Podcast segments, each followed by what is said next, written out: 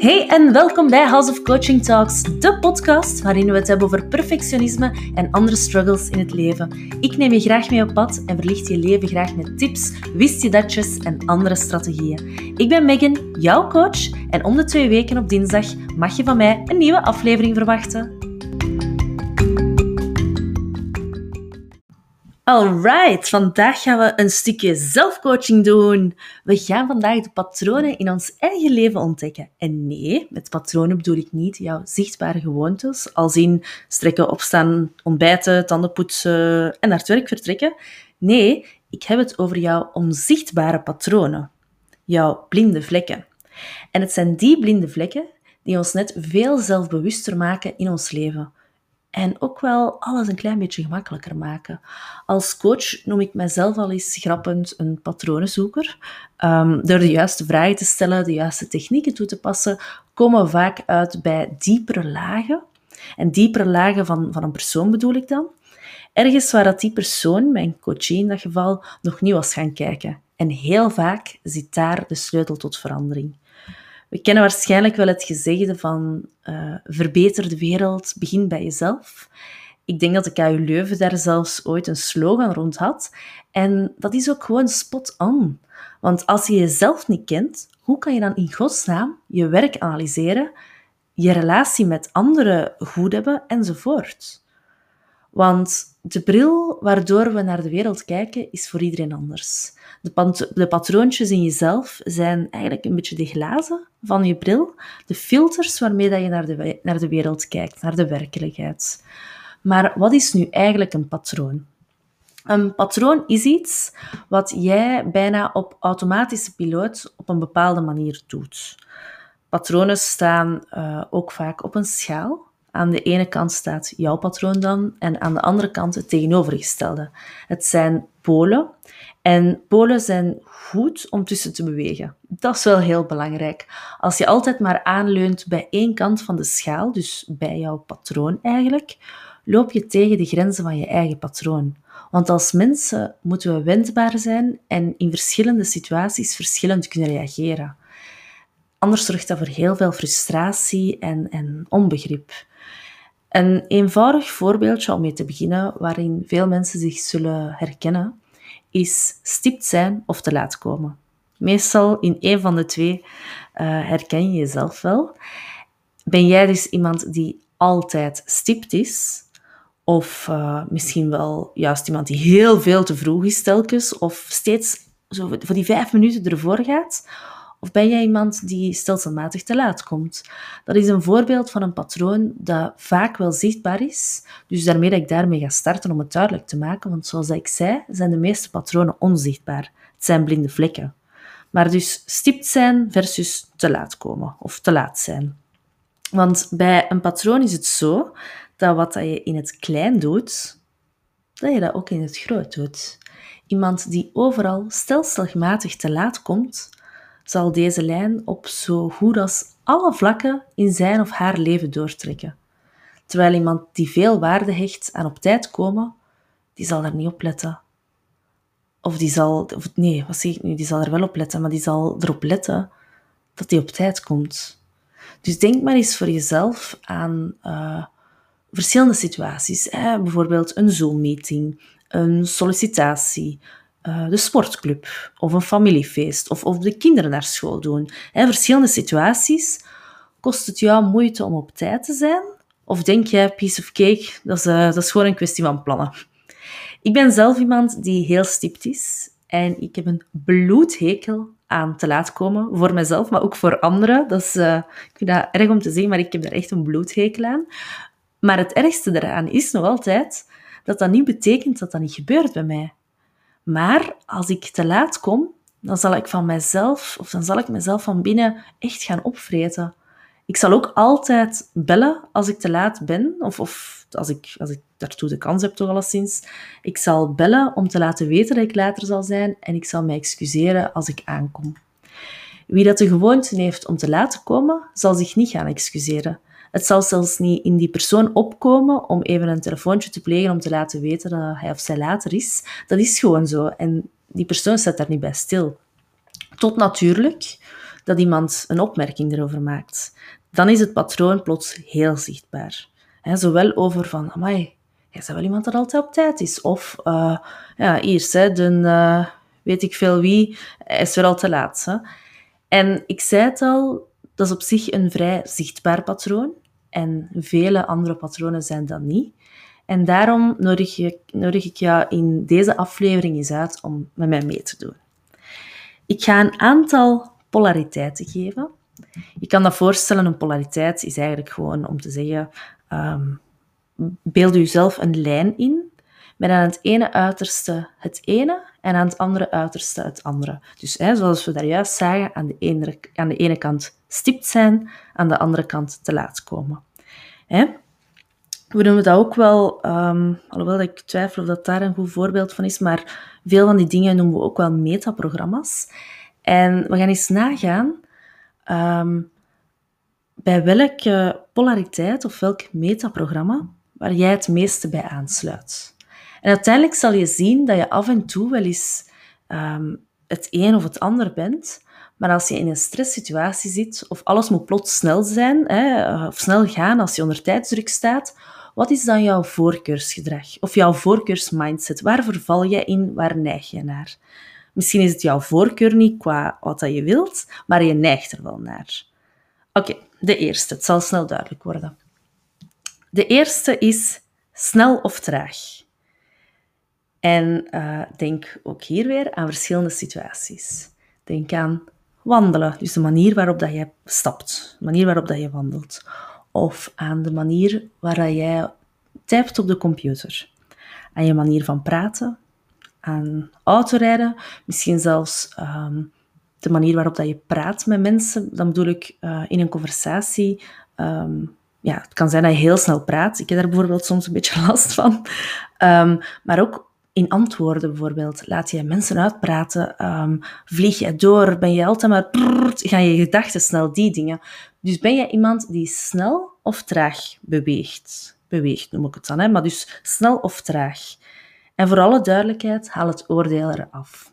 Het een is niet beter dan het andere, maar als jij neigt naar één kant, zal het andere automatisch een beetje negatiever eruit zien. Maar um, hè, bijvoorbeeld als je iemand bent die, die, alles, die in alles snel is, dan zal je je ergeren aan iets dat traag gaat. En daar net zit het goud. Het is goed om te weten dat een polariteit beweging geeft. Bewegen tussen twee polen, tussen twee uitersten. Dus kijk eens naar een situatie. Stel dat jij altijd richting snel gaat. Waar zou het jou kunnen helpen om eens te vertragen? Misschien zit daar wel een antwoord op heel veel van jouw life struggles. Of heb je het gevoel dat je bijvoorbeeld aanleunt bij uh, eerder alles traag doen? Kijk eens welke stretch dat jij richting snelheid kan maken. Misschien je iemand dat dan ook, um, als we het dan doortrekken, ook alles laat aanslepen. En kan het lonen om eens wat snelheid in je, in je proces te brengen, om, om wat knopen door te hakken. Dus ga eens even voor jezelf na. Herken jij dat patroon, die rode draad bij jezelf? Oké, dat was de eerste. We zijn opgewarmd. Oké. Ehm, we gaan er nog eentje doen. Matchen of mismatchen? Ben jij een matcher? Iemand die steeds op zoek gaat naar wat er klopt in een situatie? Of ben jij een mismatcher? Iemand die altijd op zoek gaat naar wat er niet klopt? Dus je voorkeursgedrag leunt altijd bij één van beiden aan, maar afhankelijk van de situatie kan het wel goed zijn om eens naar de andere kant te gaan stretchen. Dus, en met matchen, mismatchen bedoel ik als jij in een ruimte staat, om een voorbeeld te geven. Hè.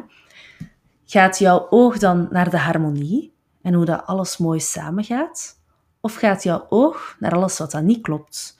Het kadertje dat scheef hangt, uh, te weinig licht, uh, er is een barst, barstje in de muur. Dus ben jij een matcher of een mismatcher? En ook weer daar, het een is niet beter dan het ander. Want om advocaat te zijn bijvoorbeeld, is het goed om jouw mismatchende kant aan te boren. Te gaan kijken naar wat er niet klopt en dus mismatcht in het verhaal van de tegenpartij. Als kledingverkoper daarentegen zal jouw matchende kant jou vooral uh, vooruit helpen. Kijken wat er bij elkaar past, van kledij, um, die zaken. En dat hoeft niet alleen jobgewijs te zijn. Hè. Ik geef hier nu twee voorbeelden van jobs, maar uh, die polariteiten zijn patronen doorheen je leven. Hè. Dus het is niet dat je in je werk zo bent en in je privé iets helemaal anders. Meestal loopt dat wel vrij gelijk, als je daarover begint na te denken. Bij verbouwingen bijvoorbeeld, hè, verbouwingen in de privésfeer. Ben je iemand die let op wat er allemaal is misgegaan? Of ben je iemand die kijkt naar wat er wel goed is gegaan, naar wat er wel gebeurd is, naar hoe dat de muren al klaar staan, hoe de vloer al klaar is, um, die zaken. En opgelet, het heeft hier eigenlijk niet echt iets te maken met negatief denken. Want mismatchen is misschien wel een voorbeeld van negatief denken, maar is het niet. Denk maar aan het voorbeeld van de advocaat. Dat is een voordeel en dat heeft niks met negatief denken te maken. Zo dus, als we dan eens eventjes naar onszelf gaan reflecteren, wat denk je dat jij bent? Een matcher of een mismatcher? Alright, nog een leuke. Nummertje drie. Opties of procedures? Ben jij iemand die graag opties heeft? Of iemand die eerder graag een vast stramien heeft en volgens een stappenplan werkt? Optiegerichte mensen zijn mensen die vooral mogelijkheden zien en die ook graag hun opties openhouden ze lopen niet snel vast en, en denken in opties, in mogelijkheden. Maar langs de andere kant hebben ze ook wel vaak moeite met dingen afwerken. Proceduregerichte mensen daarentegen hebben structuur nodig, hebben een alvast nodig, een stappenplan. Het zijn mensen waarop dat je kan rekenen en niet door het bot, of tot het bot gaan, niet door, tot. maar langs de andere kant zijn het ook wel mensen die snel rigide kunnen worden, te sterk vasthouden aan procedures. Bij perfectionisme zie ik bijvoorbeeld heel veel proceduregerichte mensen, super loyaal tegenover hun werkgever, de strafste werkers, maar hun controledrang en hun vasthouden aan procedures kan hun ook zwaar komen te staan. Dat is dat rigide waar ik over sprak. En tot slot wil ik ook deze nog met je delen om eens over na te denken. Ligt de controle, en dat is dan de vierde, denk ik, hè, ligt de controle binnen jezelf of buiten jezelf. dus als we naar een polariteit uh, kijken, aan de ene kant controle binnen jezelf of buiten jezelf. Ben jij, en hierbij is eerlijkheid naar jezelf toe nodig, iemand die het gevoel heeft dat de controle binnen jezelf ligt, of ligt die buiten jezelf? En dat gaat niet over hulp vragen of aanvaarden, het gaat over verantwoordelijkheid nemen. En je kan perfect verantwoordelijkheid nemen Ehm, door, door hulp van anderen in te schakelen. Hè. Ik zie het bijvoorbeeld heel vaak bij loopbaancoaching. Um, zo dingen als, ja, die collega maakt mij het leven zuur of de workload is te hoog, ik kan niet meer. En heel veel mensen blijven hangen in, in um, ja, die controle extern leggen. Als die collega opstapt, dan zal het wel beter gaan. Als de werkdruk verlaagt, dan zal het wel beter gaan. Oké, en wat als het niet verlaagt? Wat als die collega niet opstapt? Hoe lang ga je deze situatie nog volhouden? Wanneer ga je de verantwoordelijkheid nemen over je eigen leven? Wanneer ga je dat terug doen? En heel vaak zien we dan dat deze mensen, en ik zeg dat met alle respect, ook in de slachtofferrol kruipen in de rest van hun leven. Dat het een rode draad is, dat ze een slachtoffer van de situatie zijn. En dat zijn de negatieve zaken van, van te veel naar de ene of de andere pool te balanceren. Maar aan elke pool is ook iets positiefs. Want het zijn mensen die bijvoorbeeld ook niet snel de schuld op zich zullen nemen als ze geen schuld treffen. als, als, ze, als ze aangewezen worden als een schuldige, zullen ze het niet snel bij zichzelf leggen. Ehm, en die zaken die werkelijk buiten de controle liggen dan, die zullen het dan ook niet als ballast gaan nemen. Aan de andere kant van die polariteit zien we mensen die alles op zich nemen, die de controle volledig binnen zichzelf leggen. Die zijn van het motto: het leven is maakbaar en ik kan alles worden wat ik wil. True, en ik hou van die vibe. En het geeft ook een, een, een sterke mindset als er tegenslag op je pad komt. Maar de valkuil hier is dat deze mensen ook verantwoordelijkheid zullen opnemen voor dingen waarvoor dat ze niet verantwoordelijk zijn. En dat zorgt voor frustratie. Maar ook hier weer, er is een stretch mogelijk tussen de twee polen. Dus denk nu eens voor jezelf na. voor deze laatste leg jij de controle vaker bij de ander, de ander of de omgeving, of leg je de controle binnen jezelf? En als je dan nu eens voor je ogen brengt, ehm, we gaan even iets visualiseren. Als jij eens denkt ehm, aan een situatie, iets waar jij tegenaan loopt, een werksituatie, een privésituatie, maakt niet uit. Wat speelt er vandaag in je leven waarover dat jij het meest piekert of het meeste stress hebt? Dus neem dat eens voor ogen en pas daar eens de verschillende polariteiten op toe. Aan welke kant sta jij vandaag? En welke stretch kan je maken richting de andere kant dat misschien wel zou kunnen helpen? We hebben uh, vijf polariteiten gehad. Ik zal ze nog eens eventjes opnoemen. Dus hou die situatie eventjes in het achterhoofd en denk eens na. Stipt of te laat? Snel of traag? Matcher of mismatcher? Optiesgericht of proceduregericht? De controle binnen jezelf of buiten jezelf leggen? En als je dat eens op jouw situatie toepast, kijk dan eens naar iets in het verleden waar dat je het moeilijk mee had. Waar ben jij tegenaan gelopen? En was dat misschien hetzelfde? Welke stretch kan jij gaan doen om, om gemakkelijker uit, ja, uit jouw situatie te komen? En zo ontdek je patroon in jezelf. Ik zal eventjes zelf een paar voorbeelden geven van stretch. Ik heb bijvoorbeeld een tijdje in slachtofferrol gezeten, hè, waar ik de controle buiten mezelf legde, waar ik de controle bij de situatie legde. Ehm, en daar liep ik op vast. Dus ik ben gaan stretchen naar de andere kant. Ik ben gaan kijken van oké, ondanks de situatie, wat kan ik doen binnen deze situatie? Hoe kan ik zelf voor een betere situatie zorgen? Um, ik kan bijvoorbeeld ook te snel zijn. Hè? Als we kijken naar polariteit snel-traag, ik kan soms te snel zijn en dat is mijn valkuil. Dan weet ik dat ik moet vertragen. En dat snel zijn, dat gebeurt in van alle dingen. Dat gebeurt in impulsiviteit, dat gebeurt in uh, te snel spreken. ik spreek soms te snel. Dat gebeurt in, in, ja, in verschillende dingen. Dus dat is zo'n beetje een rode draad. Dus ik weet dat ik moet vertragen. Zelfs gewoon in het doorgaan in het leven. Ik ga heel snel, heel snel door. Dan weet ik, oef, Megan, rustig, vertragen. Um, nog zo eentje. Ik hou van procedures, maar ik word zo blij van opties, dus ik zoek mijn vrijheid meer in opties op. En daar zit ook een addertje, want mensen die last hebben van perfectionisme, zoals ik lange tijd gehad heb, worden enorm proceduregericht. Terwijl ze van nature misschien meer optiegerichte mensen zijn en zoiets weegt. En toen ik merkte van, oeh, ik hou wel van zo opties van vrijheid, ja, dan merk ik dat die procedures vooral vanuit dat perfectionisme kwam. Um, nog een voorbeeldje.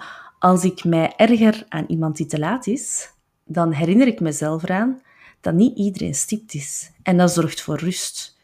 Ik ga zeker niet naar de andere kant gaan van te laat komen, omdat ik, ja, ik heb daar een idee over.